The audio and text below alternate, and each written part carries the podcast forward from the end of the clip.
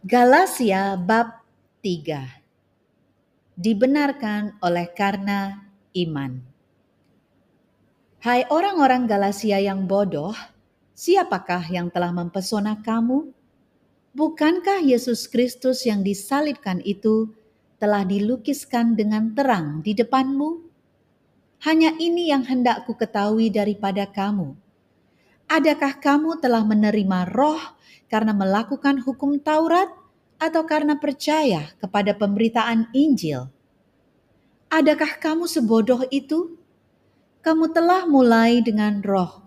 Maukah kamu sekarang mengakhirinya di dalam daging?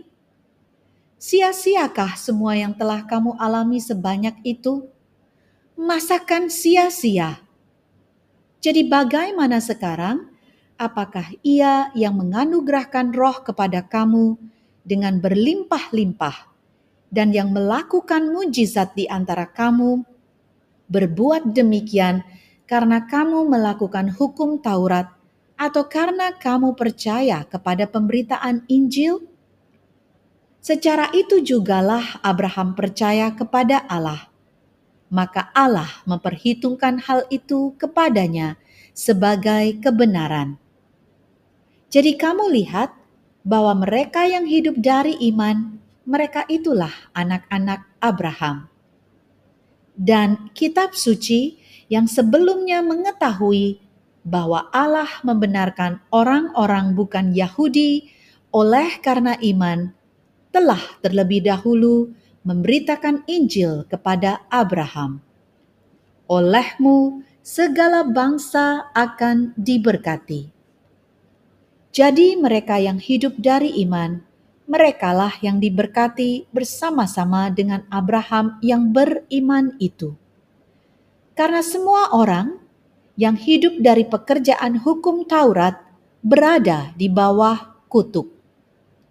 Sebab ada tertulis, terkutuklah orang yang tidak setia melakukan segala sesuatu yang tertulis dalam kitab hukum Taurat dan bahwa tidak ada orang yang dibenarkan di hadapan Allah karena melakukan hukum Taurat adalah jelas. Karena orang yang benar akan hidup oleh iman. Tetapi dasar hukum Taurat bukanlah iman, melainkan siapa yang melakukannya akan hidup karenanya. Kristus telah menebus kita dari kutuk hukum Taurat dengan jalan menjadi kutuk karena kita. Sebab ada tertulis, terkutuklah orang yang digantung pada kayu salib. Yesus Kristus telah membuat ini supaya di dalam dia berkat Abraham sampai kepada bangsa-bangsa lain. Sehingga oleh iman kita menerima roh yang telah dijanjikan itu hukum Taurat atau janji. Saudara-saudara, baiklah kupergunakan suatu contoh dari hidup sehari-hari, suatu wasiat yang telah disahkan, sekalipun ia dari manusia, tidak dapat dibatalkan atau ditambahi oleh seorang pun. Adapun kepada Abraham diucapkan segala janji itu dan kepada keturunannya. Tidak dikatakan kepada keturunan-keturunannya, seolah-olah dimaksud banyak orang, tetapi hanya satu orang, dan kepada keturunanmu, yaitu Kristus. Maksudku ialah janji yang sebelumnya telah disahkan Allah tidak dapat dibatalkan oleh hukum Taurat yang baru terbit 430 tahun kemudian, sehingga janji itu hilang kekuatannya. Sebab jikalau apa yang ditentukan Allah berasal dari hukum Taurat, ia tidak berasal dari janji. Tetapi justru oleh janjilah Allah telah menganugerahkan kasih karunia-Nya kepada Abraham. Kalau demikian, Apakah maksudnya hukum Taurat? ia ditambahkan oleh karena pelanggaran-pelanggaran sampai datang keturunan yang dimaksud oleh janji itu. Dan ia disampaikan dengan perantaraan malaikat-malaikat ke dalam tangan seorang pengantara.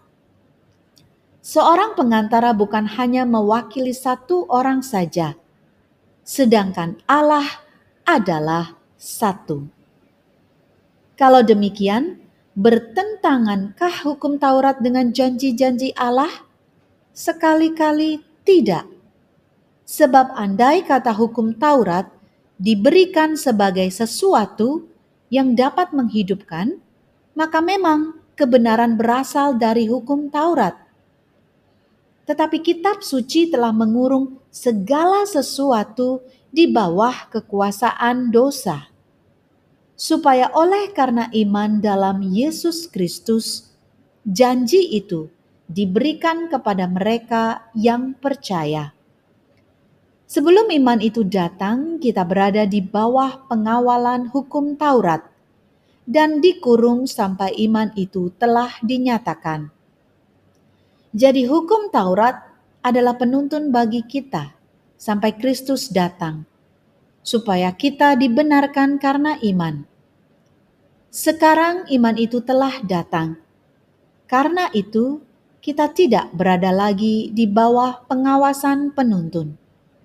Sebab kamu semua adalah anak-anak Allah karena iman di dalam Yesus Kristus. Karena kamu semua yang dibaptis dalam Kristus telah mengenakan Kristus. Dalam hal ini, tidak ada orang Yahudi atau orang Yunani, tidak ada hamba atau orang merdeka, tidak ada laki-laki atau perempuan, karena kamu semua adalah satu di dalam Kristus Yesus. Dan jikalau kamu adalah milik Kristus, maka kamu juga adalah keturunan Abraham dan berhak menerima janji Allah. Demikianlah sabda Tuhan. Syukur kepada Allah.